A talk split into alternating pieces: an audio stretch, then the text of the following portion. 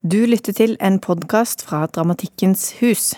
Dette opptaket er en del av vår foredragsserie som arrangeres annenhver tirsdag på Dramatikkens hus.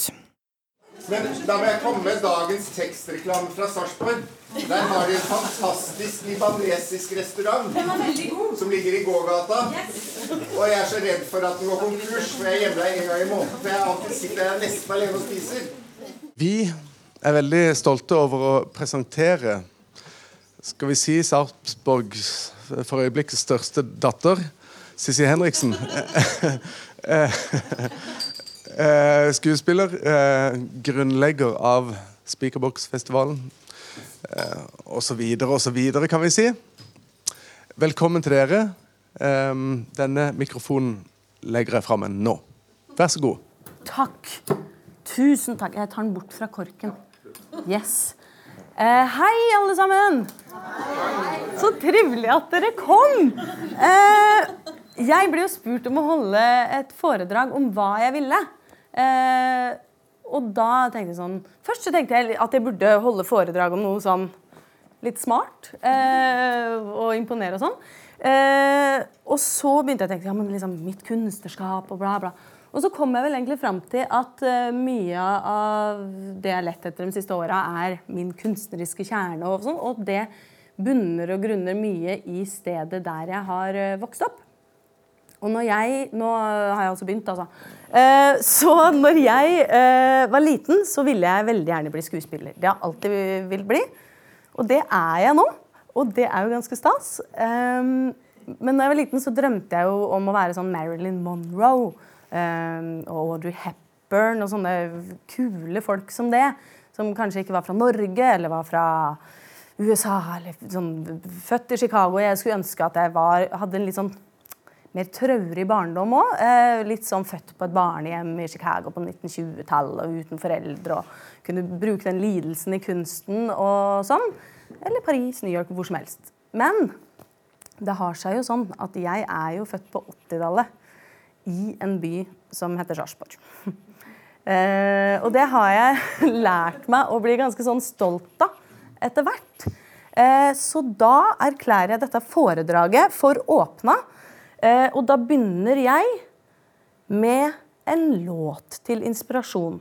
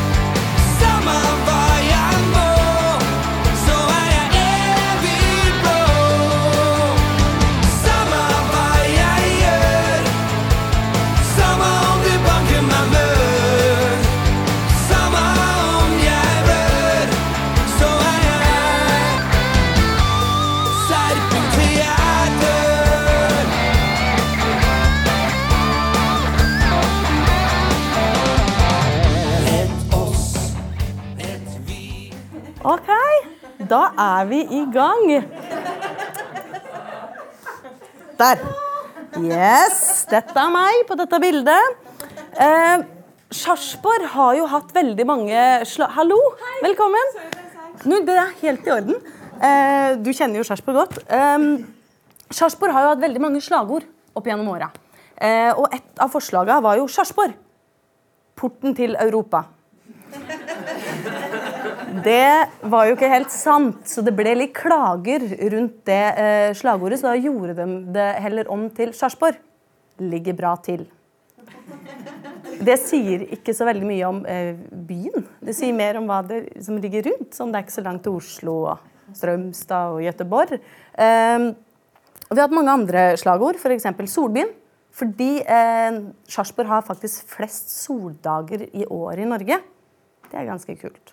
Så vi har Hjerte i Østfold, Hockeytown, Sparta. Woohoo! Um, men min favoritt er Fins ente makan til verden. For det er jo sant. Uh, og det er noe med et sånt slagord som er litt mer sånn gutsy. Uh, som, som, en liten by skal. Eller vi er ikke så små fordi uh, det er den tiende største byen i Norge. Jeg føler at vi er litt små for, for det. Og slagordet som er nå, det er Sarpsborg, byen der barn og unge lykkes. Eh, det har vært en del eh, kritikk mot det på nettdebatter og sånn, så tenkte jeg bare skulle lese opp to sitater for dere her, eh, som har vært litt kritiske til det slagordet. Da var det en dame som skrev Jeg kjenner ingen fra min barndom og ungdom som har lykkes i Sarpsborg kommune. De som har lykkes der, kommer utenfra. Ja. Så er det sitat to. Eh, der er det 'Jeg kjenner ingen i min klasse på Sandbakken skole'. Det er skolen både du og jeg har eh, gått på. Eh, jeg kjenner ingen i klassen min på Sandbakken skole som har lykkes i Sarpsborg. Ingen i parallellklassene. Ikke på andre skoler i Skjeberg. Ingen på min brors klassetrinn. Ingen på trinnet mellom oss. Kanskje bortsett fra i skolekorpssammenheng, men det tok slutt sånn midt på 1980-tallet. Når jeg leser det her, så Sarpsborg, eller Serp som vi også kaller det, lider jo av litt sånn dårlig sjøltillit. Eh, og et litt mindreverdighetskompleks i forhold til nabobyen. For den som ikke vet det, som da er Fredrikstad. Eh, vi liker ikke å si Fredrikstad. Eh, så fra nå så sier jeg bare det som den andre byen. For vi har jo en litt sånn krangel på gang der. Eh, og den andre byen hadde, eh, har jo en sånn brygge mange koselige restauranter og sånn. Eh, og da var det et seriøst forslag, men det har ikke vært slagordet til Sarpsborg. Men det var på bordet at slagordet skulle være Sarpsborg. Hygge uten brygge.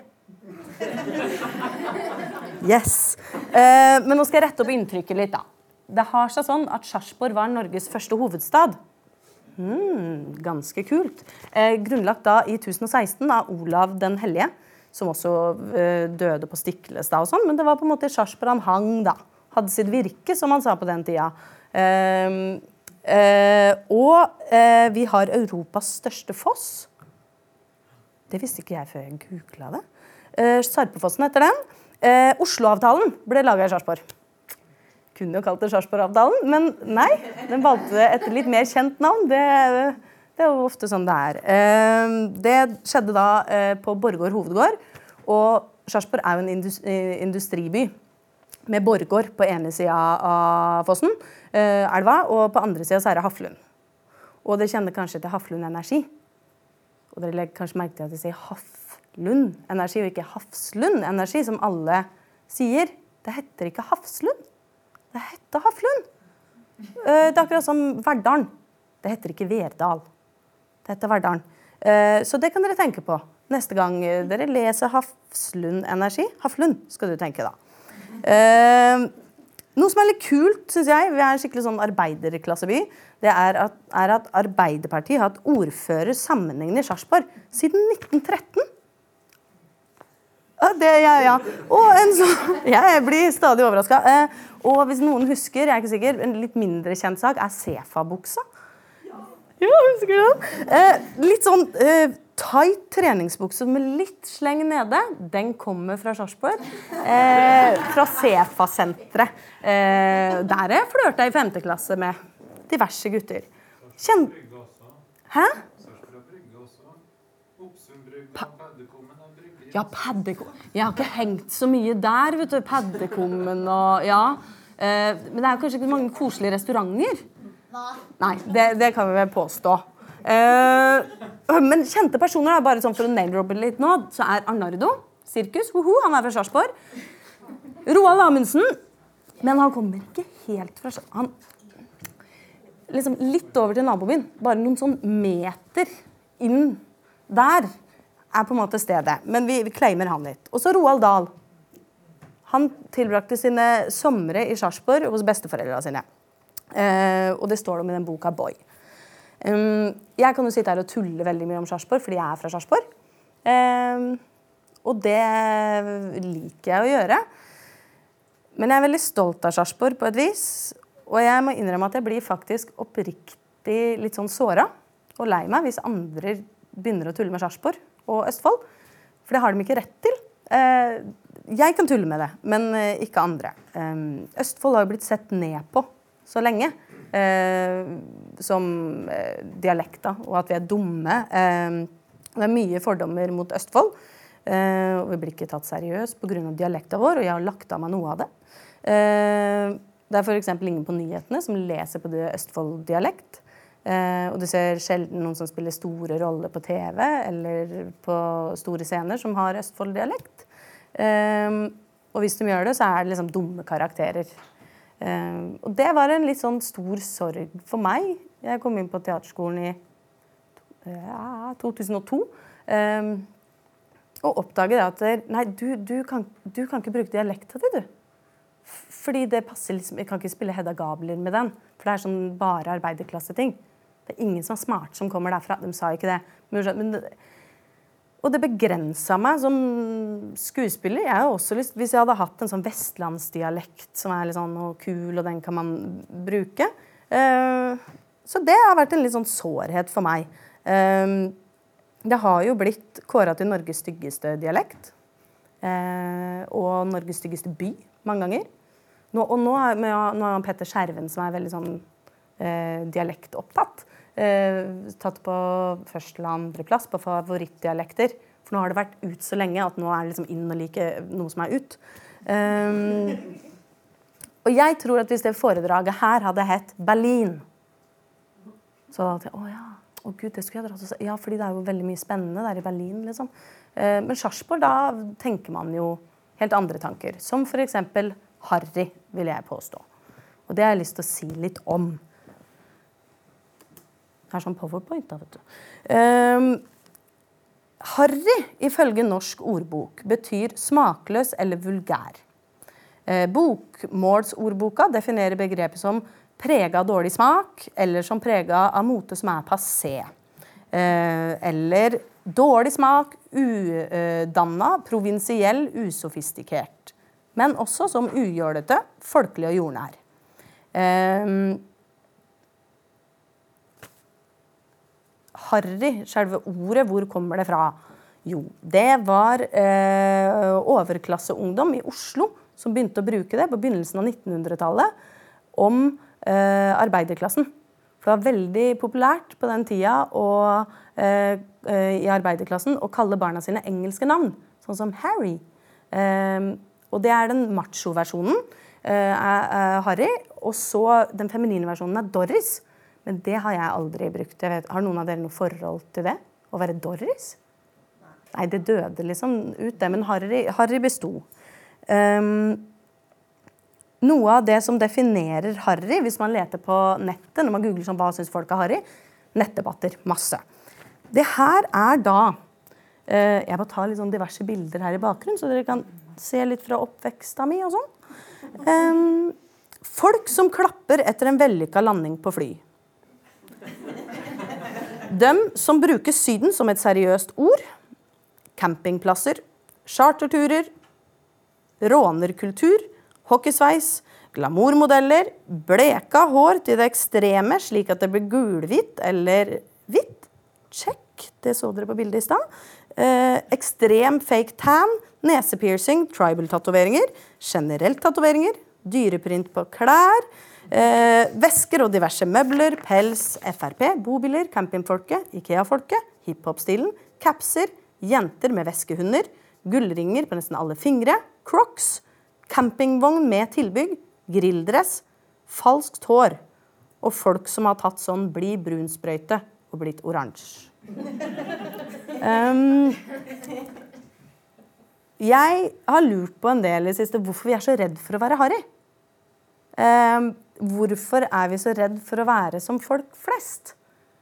Eh, og så har jeg lett litt rundt da, og funnet han Runar Døving, sosialantropolog og matforsker, som eh, definerer eh, middelklassekulturen som redselen for å være harry.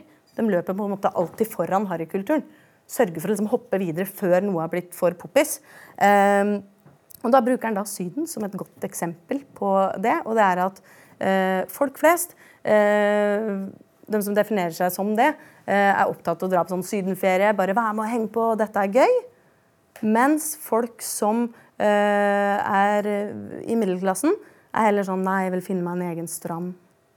Jeg vil være unik. En sånn bortgjemt en. Eh, så det er det unike mot det å ha det gøy. Um, jeg syns jo det er veldig gøy å ha det gøy. Uh, og pizzaen som dere nå alle har fått uh, servert, ble introdusert i Norge gjennom middelklassen. og han matforskeren har jo da forska på at de som definerer seg som folk flest, er opptatt av smaken. Mens middelklassen er mer opptatt av det som er rundt. Sånn er den bakt i steinovn? Eller sånne ting som det. og da skal jeg komme litt mer inn på det eh, jeg eh, sa i begynnelsen om kunstnerskapet mitt og sånn. Og når det gjelder den pizzagreia, så kjenner jeg veldig at jeg er fra Sarpsborg. I teatermiljøet og i teatersammenheng, når jeg jobba sju og et halvt år på Trøndelag Teater, og sånn, så har jeg blitt stuck i mange samtaler. Eh, blant annet en samtale som satt, satt seg i meg vi satt i evigheter og diskuterte om maldonsalt eller lesøsalt var best. Og da kjente jeg at det her er utrolig uinteressant for meg. Eh, jeg, jeg, har ingen interesse av det. Og så gikk det inn en sånn rødvinsdebatt, og jeg kjente at liksom Jeg driter litt i det. Og det var noe av den spira til at jeg begynte å kjenne sånn Hva interesserer jeg meg for, da? Jo, jeg drar nå heller på en sånn lokal pub og sitter og prater med noen som er stamgjest der i fire timer enn en teatersjef om rødvin og salt. Um, og jeg tror at teatret trenger litt mer harryfaktor. Um, og vil, tenke litt på hvilke uh, historier som blir fortalt på scenen. Uh, og hvilke stemmer som slipper til der. Og jeg føler at harrykulturen har en eller annen glede i seg. Uh, en ren glede. og teatret har en frykt for å underholde. Og det er ikke mange i teaterverdenen som, som, som, definerer seg sjøl som harry, tror jeg. Det er vi ganske redde for. Eh, og mange er jo redd for bygdedyret, men jeg er heller redd for bymonstre, som jeg kaller det. Som hele tiden liksom, bymonstre under senga mi som hvisker til meg at du, du, kan være, du, kan ikke like det. Eller du kan ikke, du kan ikke glede deg over det. Det er feil. Nå må du passe på. Eh, det er ikke innafor. Nei, det er litt utafor. Eh, for jeg syns det er noe ærlig med å være harry. Og innrømme at man liker noe uten å skamme seg. Eh, og selv om andre ser ned på det. Jeg syns det er ganske sånn tøft, med ren glede uten skam. Og de siste åra Jeg henger litt etter, men så hele tiden så hører jeg folk, venner og alle som sier sånn Å, guilty pleasures. Ja, det er litt sånn guilty pleasure-greia mi, det. Guilty? Hvorfor må vi være det, da? Hva, hva er det? Hvor ble det av bare rene pleasures? Eh, fordi da Det eneste du sier med guilty pleasures, er at du sier sånn Du, jeg gleder meg over det her, jeg. men jeg vet at det egentlig er litt sånn utafor å like det.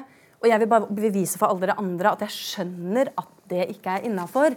Uh, derfor sier jeg guilty, men jeg liker det litt, for jeg tør ikke helt å innrømme det. For jeg vil jo på en måte si at jeg er oppegående uh, og, og, skjønner hva som er ut og inn. Um, og det, det prøver jeg nå hardt som menneske og kunstner å unngå. Jeg har lyst til å være mer ærlig med hva jeg faktisk liker. Um, og prøve å drite litt i å bli beskyldt for å være harry. Og jeg har nå innsett at jeg er harry.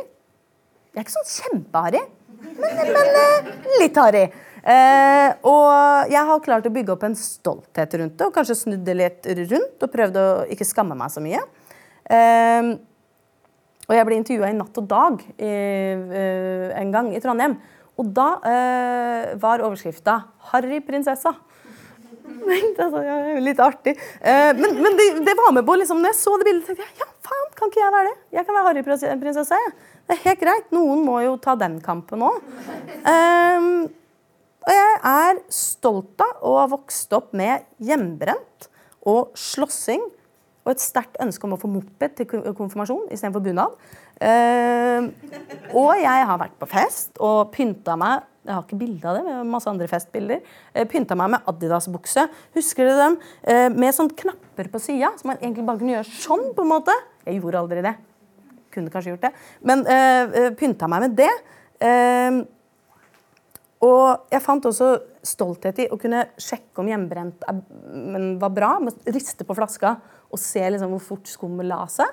Uh, uh, ja, men Det kunne jo være farlig. Kunne jo bli blind og greier hvis det ikke var bra. Uh, og jeg har eh, dratt til Strømstad, i Amazon på skjærtorsdag og børna og drukket meg drita full. Og det er jo en av de beste minnene jeg har. Hvorfor skal jeg skamme meg over det? Og det- jeg kunne gjerne gjort det igjen. Jeg tror jeg syntes det hadde vært gøy. Og jeg følte mestringsfølelse når jeg skaffa taxi eh, etter vi eller gjengen hadde slåss. Så vi kom oss unna. Eh, og jeg vet at det ikke er innafor å slåss, men jeg har også hatt glede over Jeg slo aldri, jeg var den som skaffa taxi og ordna og sånn. Men, eh, men den glede, det er jo ikke innafor. På en måte, nei, man er en veldig dårlig måte å løse konflikt på. Noen ganger når man er 17, og det er en annen, to gutter som ypper litt med hverandre det er sånn, som vi har bråk, eller? Ja, skal du ha bråk. Og så ser du at det bare Woho! Her er det en til som vil ha bråk! Blind vold er noe helt annet. Det har også vært med. Det er ikke noe gøy. Men to mennesker som bestemmer seg litt sånn for å yppe og slåss litt. Og sånn ble jo noen av mine to bestevenner Jeg var ikke akkurat dem på bildet nå, men faktisk kjent med at de slåss. Um, og harryturer har jeg vokst opp med. Sverige. Siste jeg gjorde, var forrige helg. Fantastisk. Gå inn i butikken, fylle opp med godis til 5,90. Eh, kjøttpålegg, alkohol, og så gå bort til ferskdisken når du er ferdig og eh, kjøpe grillben, kylling og baguett eller baguett. Eh, og ta det med deg med en sånn sider, og i bilen hjem sitte og spise det. Og sitte sånn Å nei, er det toll? Er, er det sånn tollkontroll? Øh, øh, og den spenninga der. Og så kjører du forbi, og så er det bare Woo! Og hjem. Det er fantastisk. Ehm, jeg tenkte jeg bare skulle gi dere et lite sånn innblikk i oppveksten min i Sarpsborg. Ehm, fordi jeg eh, driver med et eh, sånn teaterprosjekt som jeg har drevet med lenge, blitt utsatt. Eh, som er basert på breva jeg har skrevet til brevvenninna mi i USA siden fjerde klasse. Og der er, skriver jeg om hele livet mitt. Jeg har fått henne til å sende meg mine originalbrev, brev, og så har jo jeg samla på alle hennes. Eh, så det er bare litt sånn bilde av Sarpsborg, det er på engelsk, da. Eh, litt sånn eh, ungdomsskoleengelsk. Hey, Care Bear. It's been, a, it's been a long time since I wrote you. That's because so much has happened. Good stuff. Remember the midsummer thing at Bukta, eller Revebukta? Then you remember that uh, guy named Willy that we didn't like, the one that knocked Dag Frode down. yes.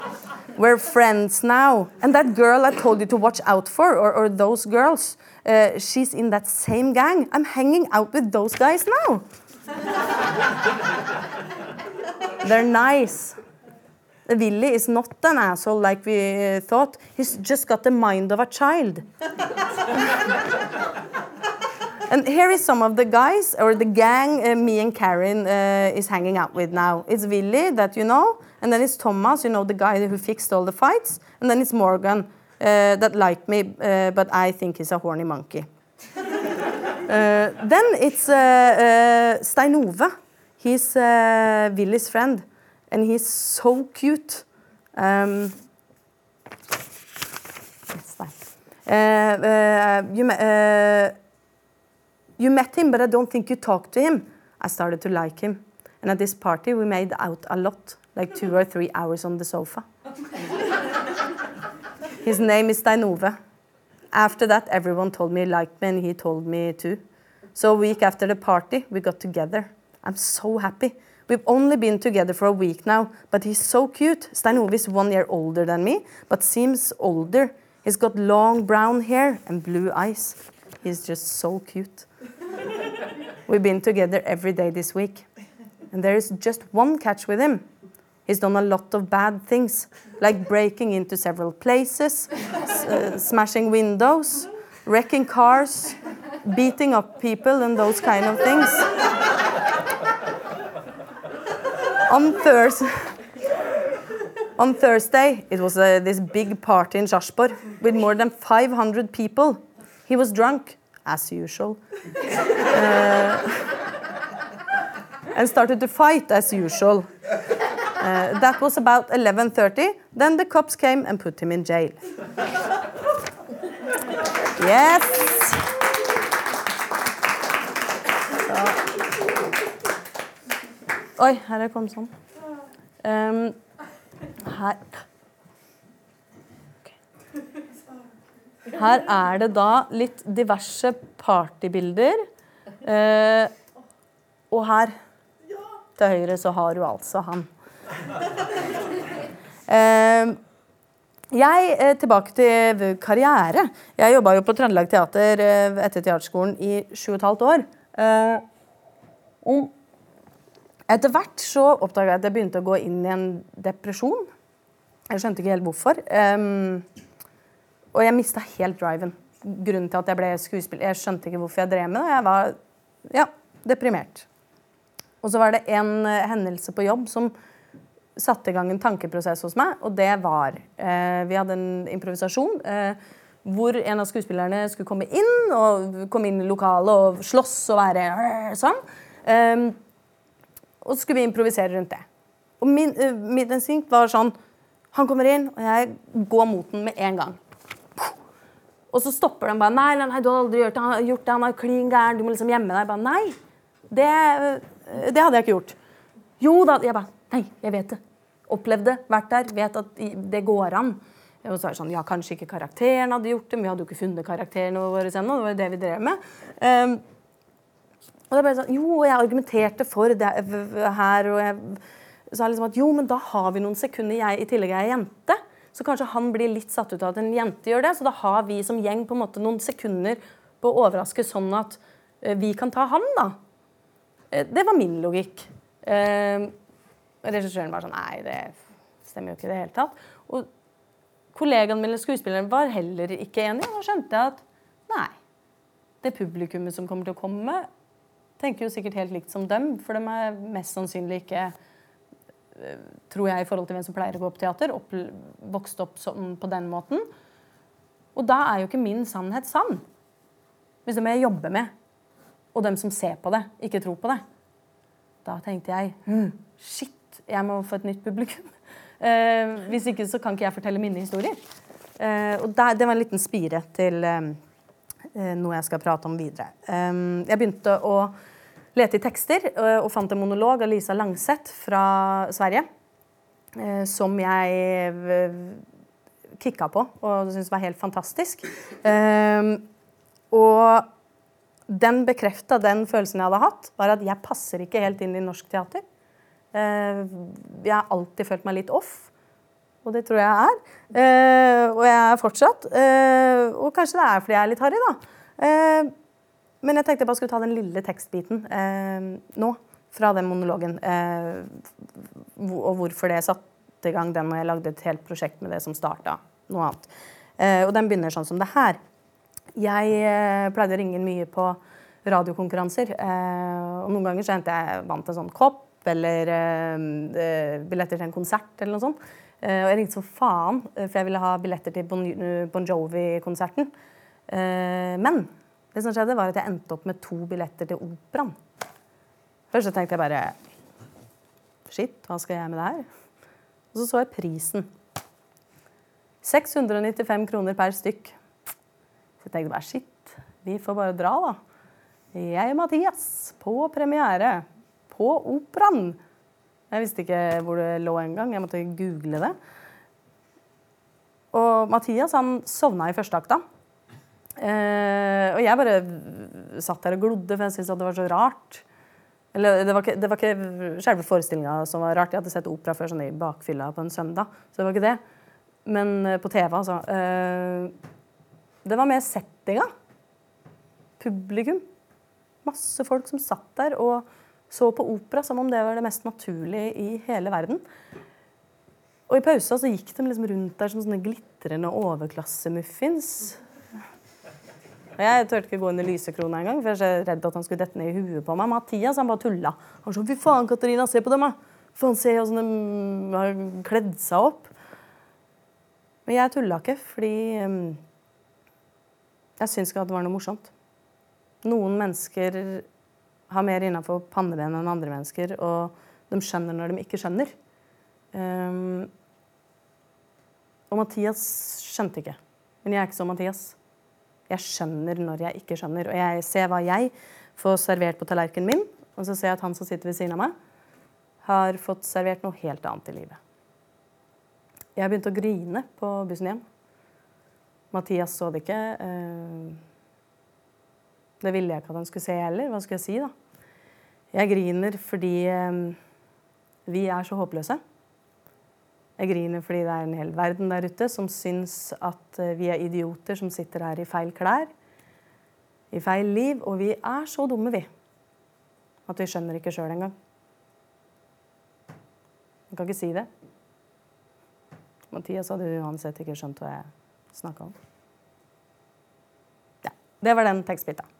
Eh, som inspirerte meg til å lage en forestilling hvor jeg fikk med meg to rappere fra Trondheim. Eh, en kontrabassist og en gitarist. Eh, gode ord dør sist, heter dem. Til å lage eh, denne forestillinga. Samtidig som det, jeg husker ikke helt rekkefølgen i det, så fikk ikke jeg kontrakt videre på Trøndelag Teater. Jeg trodde det var Eller det var det jeg ville. Jeg ville få fast jobb der og jobbe med det. Og så, jeg, så jeg gikk inn i en enda dypere depresjon. Eller jeg møtte veggen. Eh, og det var veldig vondt. Og midt inni der, på et eller annet sted, så har jeg sikkert hatt en magefølelse på at noe sånt kom til å skje, for jeg søkte kunstnerstipend. På å eh, finne tilbake til min kunstneriske kjerne. Eh, fordi jeg følte jeg hadde mista meg sjøl. og nettopp den følelsen at jeg ikke passa inn. Um, og fordype meg i hiphop-teater. Fordi jeg midt i den prosessen, Det her var en blur for meg, men midt inni det der så googla jeg hiphop og teater etter jeg hadde begynt å lage den forestillinga. I et Google-søk. Og så fant jeg New York Hip Hop Theater Festival. Oi, det hørtes gøy ut. Jeg visste ikke at det var en sjanger. Hiphop-teater. Jeg drar til New York. Gjorde jeg det, og der fikk jeg en opplevelse som på en måte har trigga eh, kunstnerskapet mitt videre. Og det møtet med hiphop-teatret gjorde at jeg plutselig begynte å kjenne på dri driven min igjen. Jeg begynte å kjenne på den der lille dynamoen som gjør at du jobber, og så får du mer energi. Du tapper deg ikke. Og eh, det var en sånn live-følelse. og jeg, Det traff meg i magen, for så å pirre intellektet istedenfor sånn hodestyrt. Jeg følte at jeg hadde en kropp igjen. Jeg hadde sittet og drukket rødvin og prata. Plutselig så liksom satt jeg på forestilling og wow, ropte til scenen og dansa plutselig. Det var, det var, mye som skjedde der, altså. Eh, og så endte det opp med at jeg tenkte alle vennene mine må se det her. Skjønte jeg, alle de kan ikke komme til New York. Jeg må lage en festival og få det til Norge, og så kan vi begynne å lage det. Sånn rent egoistisk så ville jeg ha mer teater som jeg liker å se. Da må jeg gjøre noe med det. Eh, så søkte jeg Kulturrådet. Aldri gjort det før. for liksom Gjorde masse research og budsjetter og helvete. Um, og Powerpointen her er helt gitt opp. Uh, men uh, så fikk jeg penger. Og etter mye styr. Og lagde festival. Og da ble det festival i Trondheim eh, og Oslo i februar 2014. Og det var første året. Og nå arrangerte vi det igjen i september. Det er jeg ganske stolt av. Eh, jeg kan jo fortelle litt Og det jeg tror, da, der henger sammen på et vis. Fordi hiphop-kulturen oppsto i arbeiderklassen. Det har du hørt før på operaen. Jeg har liksom tatt det inn i her, så jeg har to foredrag på én dag. Eh, hiphop-kulturen starta i arbeiderklassen i Bronx i New York på 70-tallet. Eh, hvor alle hadde gitt opp Bronx. Eh, arbeidsledigheta var høy. Eh, kriminaliteten bare booma, og gjengene tok over gatene. sykebilene og politibilene nekta å dra inn hvis noen, det skjedde noe, for de var redde for sitt eget liv. Og det som skjedde der, var at en hel generasjon med unge mennesker opplevde å bli totalt oversett og nedprioritert av samfunnet ellers. og skapte sin egen kultur. Eh, og de hadde ikke mange ressurser, men man valgte å danse på asfalten isteden fordi man ikke hadde dansestudioer. Begynte å skrive på veggen fordi man ikke hadde lerret. Og tags for sånn Se meg! Jeg må bli sett. Hvis jeg skriver navnet mitt over hele byen, så begynner folk å kjenne igjen det.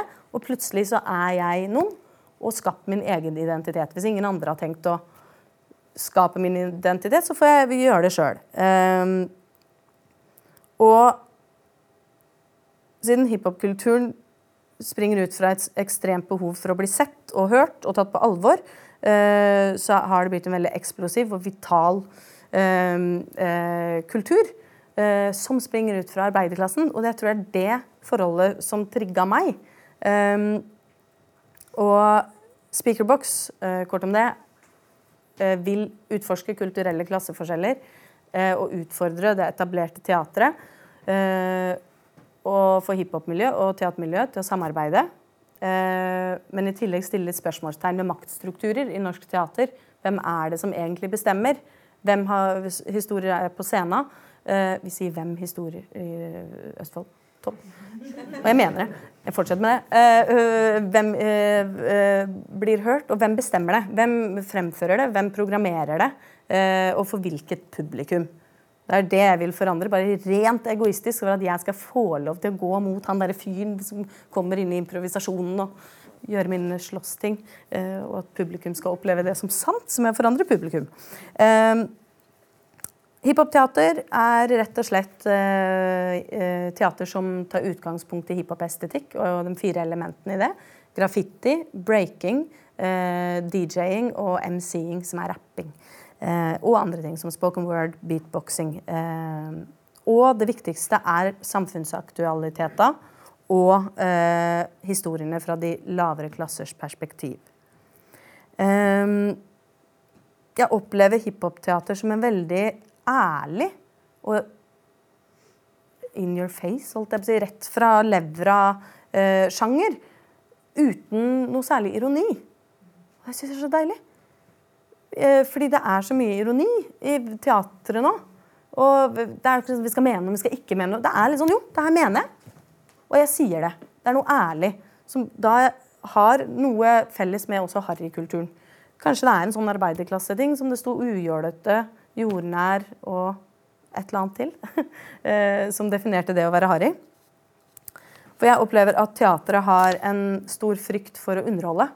Um, som jeg syns er helt tullete. Det er jo gøy å ha det gøy. Det, er, det, må vi bare gjøre, og også for å få nye publikummere inn i teatret. Men det er vel også den samme frykten for å være harry eller bli, at man hele tida må dekke ryggen sin. da. Hiphopen har også veldig mye stolthet av uh, hvor man kommer fra. Uh, og det er jo jeg glad i, hvis dere ser på dette foredraget her. Uh, og jeg føler at sånn som Brooklyn da, i New York, som ikke hadde noe særlig å skryte av. Det var jo ikke noe stas der, og mye kriminalitet, og Bronx og sånn, har plutselig klart å lage et eller annet som gjør at vi går på Hense Maurits og kjøper oss T-skjorte som Brooklyn. Så vi bør ikke ha vært der engang. Harry har en T-skjorte hvor det står Gran Canaria, men Brooklyn er litt sånn kult. Eh, og det var jo noe som alle så ned på. Og så har man bare klart å snu det til noe som er sånn Faen, jeg er stolt av det her. Og det er litt det som jeg har lyst til å gjøre med det kunstnerskapet mitt. og hvilke historier og sånn. Jeg sånn, nei, vet du hva? Hvis ingen andre skal fortelle meg historiene, så må jeg gjøre det. Um, jeg tenkte at uh, jeg sånn nå mot slutten skal bare vise dere en uh, video som uh, Den er fem minutter lang, altså. Det er fra en av forestillingene vi lagde på Speakerbox i år. samarbeid med Dramatikkens hus og Skuespillersenteret.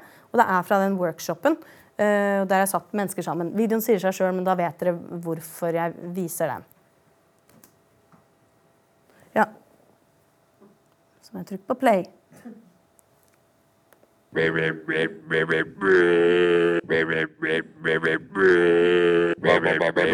skal liksom introdusere meg til kamera? Ja, ja, ja. Hei, jeg heter Sissel, liksom. Jeg har samla Taro, som er en av Norges beste slamwelder. Bitur, som er islandsk beatboxer. Kristoffer Grønskar, dramatiker. Jon Tombre på regi. Og Mums, Craig Mums Grant, som er en amerikansk slamwelder. Pick on them so that they don't pick on you. This is the norm. Do what you can to fit in. Never stand out because they'll see you. Mams hadde oppdaga janteloven eh, på en taxitur fra NRK Radio. Og var veldig fascinert av det konseptet med åssen kan hiphop eksistere i Norge hvis du ikke skal si at du er noen. And out of that taxi conversation just sparked we have to do something. We have to do a piece on Janteloven. The first law of Jante. Do not think you're special. Do not shine. Yeah, you shouldn't be scared of letting your talent shine. That's so ridiculous.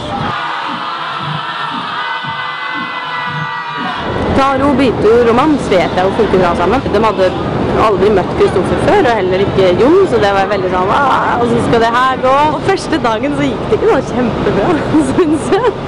You want to just start, or should I say something Go on, go on. I'm so happy that you're all here. No. Uh, maybe you will say something now. Yeah. Um, well, uh, first of all, uh, it's exciting to be here. Uh, so I have a, but uh, and um, Så gikk det noen dager, og så plutselig så bare fant de hverandre og jobba på, og nå er det jo en gjeng. That's all I want you to get from here. But instead of, I mean, like when, when uh, let's say they are doing the awesome stuff. As a black man in America, you know, there's this black Yantalovin that is, you know, that we set in place for ourselves that says, you know, just, you know, don't scare the white people. But something about hip hop has forced me to live up to my potential and find the true talents within myself and not be scared to put them out into the universe. So uh, this is a great project in order to reinforce that. So do your work, smile, be nice, and eventually some nice white person will give you a job, and you'll be able to survive, have a decent life, without the strife of striving for a dream that will never come.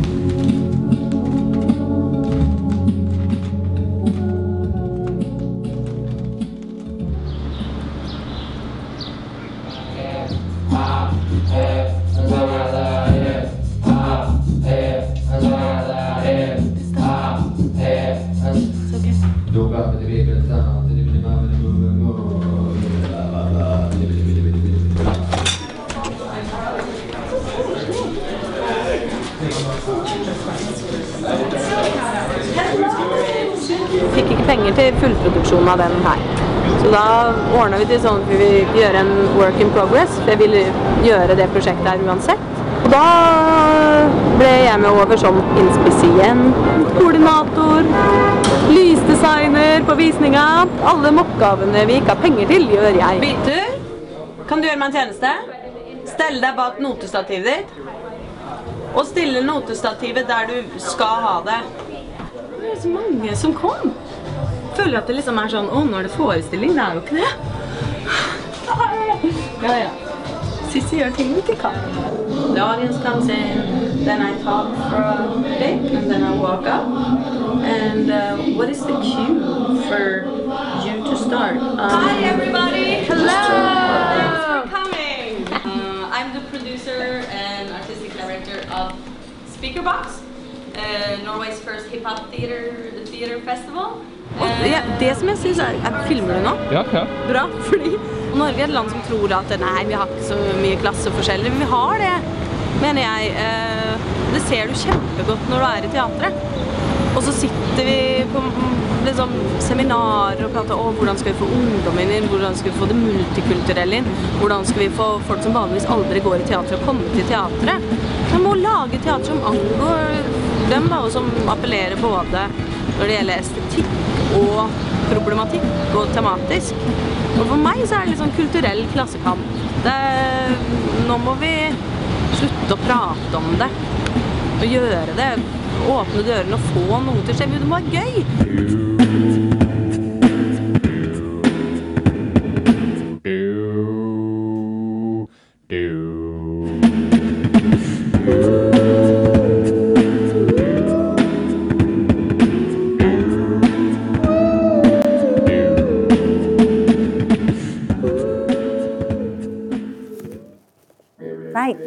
Ikke meningen å sette på den igjen. Ehm, ja, eh, det jeg sa på slutten der, er jo det. Det er min egne lille sånn kulturelle klassekamp eh, som jeg har funnet ut at jeg er veldig opptatt av for tida. Og sikkert kommer til å være en del år til. Ehm, jeg har lyst sånn mot slutten å lese opp et uh, sitat som Don Martin, hvis dere vet hvem det er, en rapper uh, fra Oslo. eh, fra Romsås. Eh, sa han når han skulle prate om tilhørighet. Eh, så det her er da Don Martin sine ord. Jeg kommer fra et sted med sterk lokal tilhørighet. Et sted hvor jeg lærte å være stolt av hvor jeg er fra og hvem jeg er, i opposisjon til hva samfunnet synes og ville at vi skulle være. Og kanskje var det nettopp pga. det å bli sett ned på for hvem vi var, at ryggmargsrefleksen ble så sterk mot de som vil at jeg skal gjøre det samme mot andre. Det er viktig å være stolt, men sjelden er hvor man kommer fra kun et sted man ikke valgte. Min identitet er ikke min etnisitet, ei heller mitt sted. Den er ideer. Ideer om solidaritet, om menneskeverd, om brorskap. Min tilhørighet er ikke påskrevet mitt pass. Den er internasjonalistisk, dypt forankra i kultur som har sin styrke nettopp i hvor blanda dens røtter er. Den er til et perspektiv som ikke ser ned på verden, men heller skrått opp fra siden. Og det er jo tilhørighet det handler om, eh, og gjenkjennelse når man går i teatret. Og også det med å trives med det man driver med, og føle at man gjør noe som er viktig for en. Eh, og jeg tror at en grunn til at en teaterjente som meg har falt sånn for hiphop-kulturen, er fordi jeg fant noe jeg ikke fant i teatermiljøet, og det var at jeg kunne være stolt av hvor jeg var fra, uten å ha ironisk eh, distanse til det, og skamme meg for det. Eh, og drite i hva andre syns, og bare si at yes, Sarpsborg er bra. Jeg prater med Mathilde Holdhus her, som er dramaturg på eh, Dramatikkens hus. Og for noen år tilbake når vi gjorde den forestillinga Den elskede. Og da sa hun at eh, og når det kommer til bakgrunnen, var at vi hadde alltid gitt tonearten til søndagsfrokostene da jeg vokste opp. Rina, søstera mi, eh, vi hadde vel ikke noe gjett tonearten hjemme hos oss. Vi hadde vel Nettopp, det er det. Eh, så man kommer jo fra utrolig forskjellige steder. Og jeg tror ikke det var helt tilfeldig. Mamma var flyvertinne, eh, pappa var politi. Eh, og da var jeg så heldig å være med til Beverly Hills på et tidspunkt. Og da kjørte vi, hadde vi leid bil og så på alle de fine husa. Mamma sa sånn Når du blir rik og berømt filmskuespiller, Sissi, eh, så må du kjøpe hus til meg her. Bare tulla litt med det. Så sa jeg nei, men mamma, jeg skal ikke bli sånn skuespiller. Jeg, jeg skal bli sånn, eh, sånn ordentlig skuespiller. Sånn som har det som jobb. Sånn som Aud Schønemann. Eh, jeg vet ikke helt hvorfor jeg sa det, men det kanskje det ikke er tilfeldig at jeg nettopp sa Aud Schønemann og ikke Wenche Foss. Eh, og eh, jeg føler at noen nå må fortelle dem historiene. Og siden jeg er så heldig av å være kunstner, så skal jeg nå snu det som jeg trodde var mitt lodd i livet som skuespiller, å være fra Sarpsborg, til noe positivt. Og bruke det som en sånn drivkraft til å drive kunstnerskapet mitt eh, framover. Og da skal jeg bare avslutte. Jeg har sagt avslutte mange ganger, men det her er skikkelig avslutning. altså. Eh, det er det siste jeg skal gjøre. Det er å lese litt videre fra et av breva i det nye prosjektet. Eh, om han godeste Stein Ove, da. Han var, ja, eh, han var forresten den første jeg lå med. Eh, eh, eh, Hvorfor sa jeg det? Eh, ja, ja. Men her kommer i hvert fall litt videre info på den situasjonen. Hi. Thanks for the present. I loved it. Now I'm so sad. I didn't send the first part of the letter before too much happened again. Today is the 11th of January 1996. On New Year's Eve, I went to a party at this boy's house. It was fun. Then I went to this rented place, Crazy Daisy, in town, that I told you about, where Stein Ove was. He hadn't called me for a long time before that day, so I was angry at him. We kind of fought. I was so angry. Later, I walked over to him and asked if we were still together. By the way, he cut his hair and he's really hot. Uh, he said yes. Then we talked seriously, and he told me that maybe it was best for us to break up. He wasn't sure if he loved me as a girlfriend anymore. Uh, I agreed. I had also thought about breaking up because it just didn't work out. He didn't have time for me. I loved him a lot. I still do. The horrible thing was that 10 minutes later, he was making out with his ex. And you know that girl that everybody said that Stein had sex with some weeks ago? She admitted everything to me. She had had sex with him on both Friday and Saturday. And he had promised her to break up with her because he loved uh, her and she was really in love with him. But later he told her that he wouldn't break up with me yet because it was just too nice between us. I got so angry and I talked to him. I told him all I had heard. It was true because his friends who had seen it told me it was also true. And he said, It's not true. Believe me or believe her or me. Why shouldn't I uh, have told you about it if I had done it? And I told the sex girl that he had sex with some weeks ago about what he said. And she got angry because he didn't admit it. And you know what? She went into Crazy Daisy and she punched him two times in the face and one in the chest. yes! I had a terrible New Year's Eve. OK, folkens, det var alt.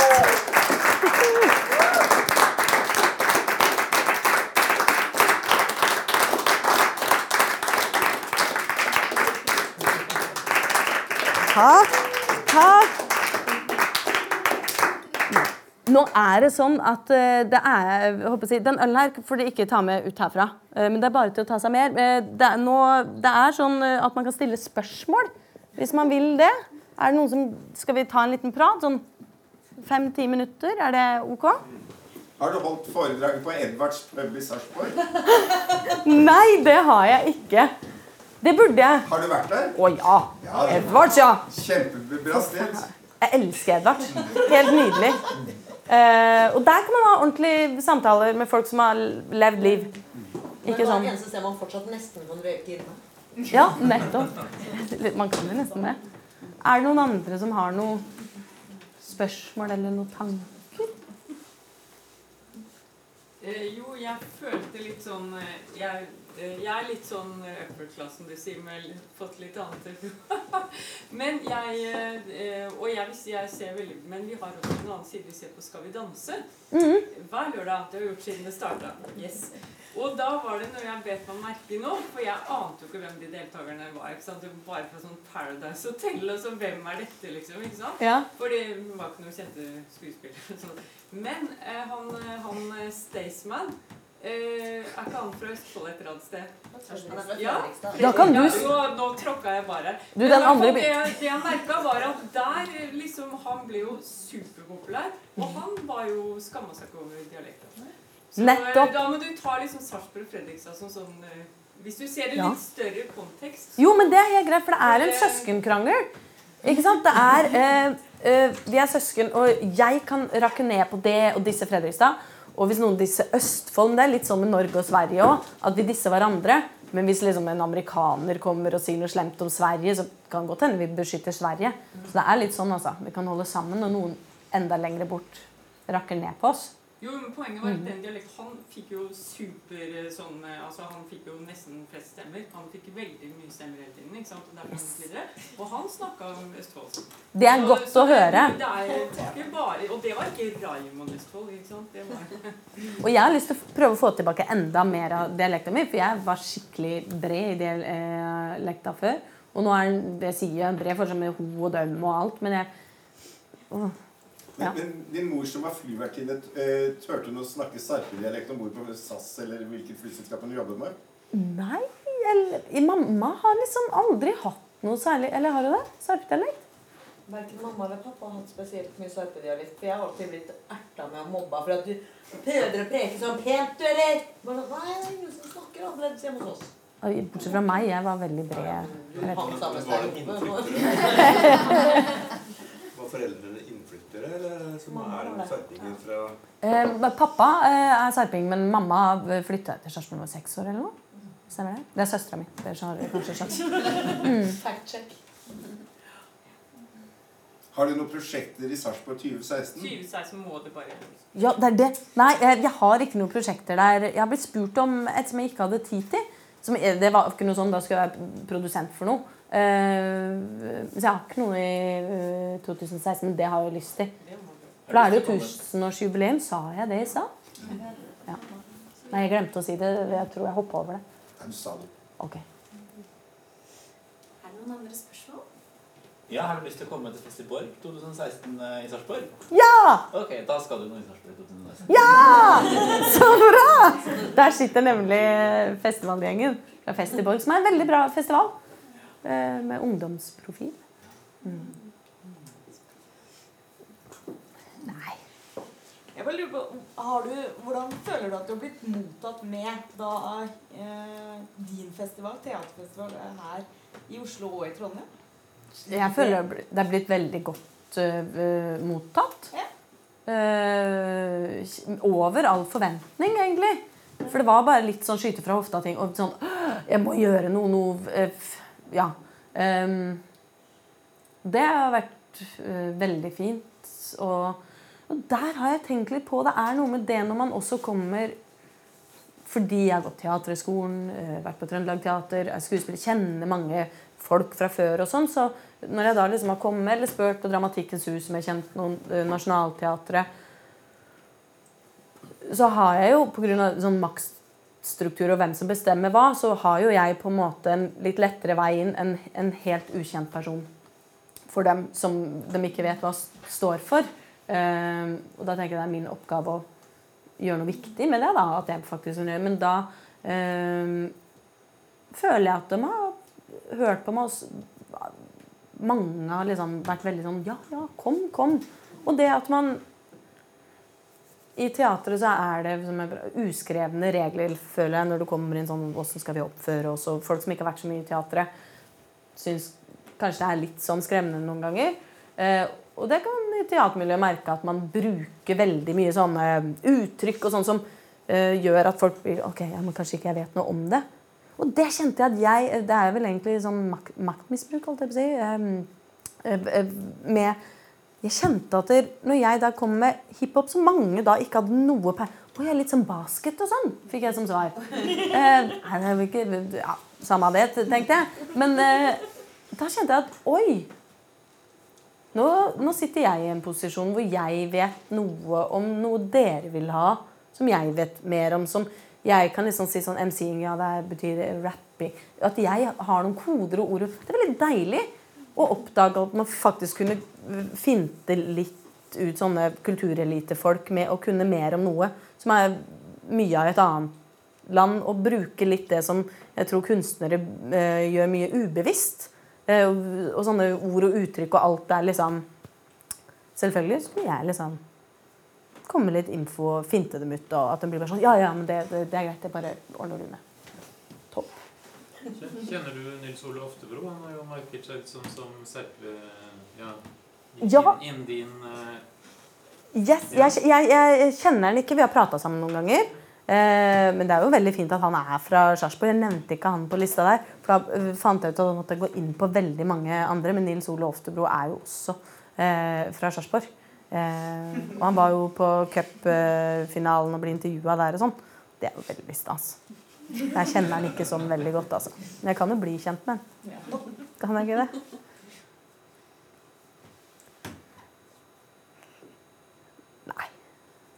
Skal gi oss nå, eller? Hva syns dere? Ja? Ja, jeg var på Dramatikkens hus, og så så jeg på alle disse finkulturelle foredragene som jeg bare visste var finkulturelle. Jeg hadde kanskje skjønt hva det Og så kom det til ordet Sarpsborg. Da, da, da ble jeg så glad at liksom det Det er bra! Takk. Du har nå hørt en podkast fra Dramatikkens hus. Har du lyst til å høre disse foredragene live?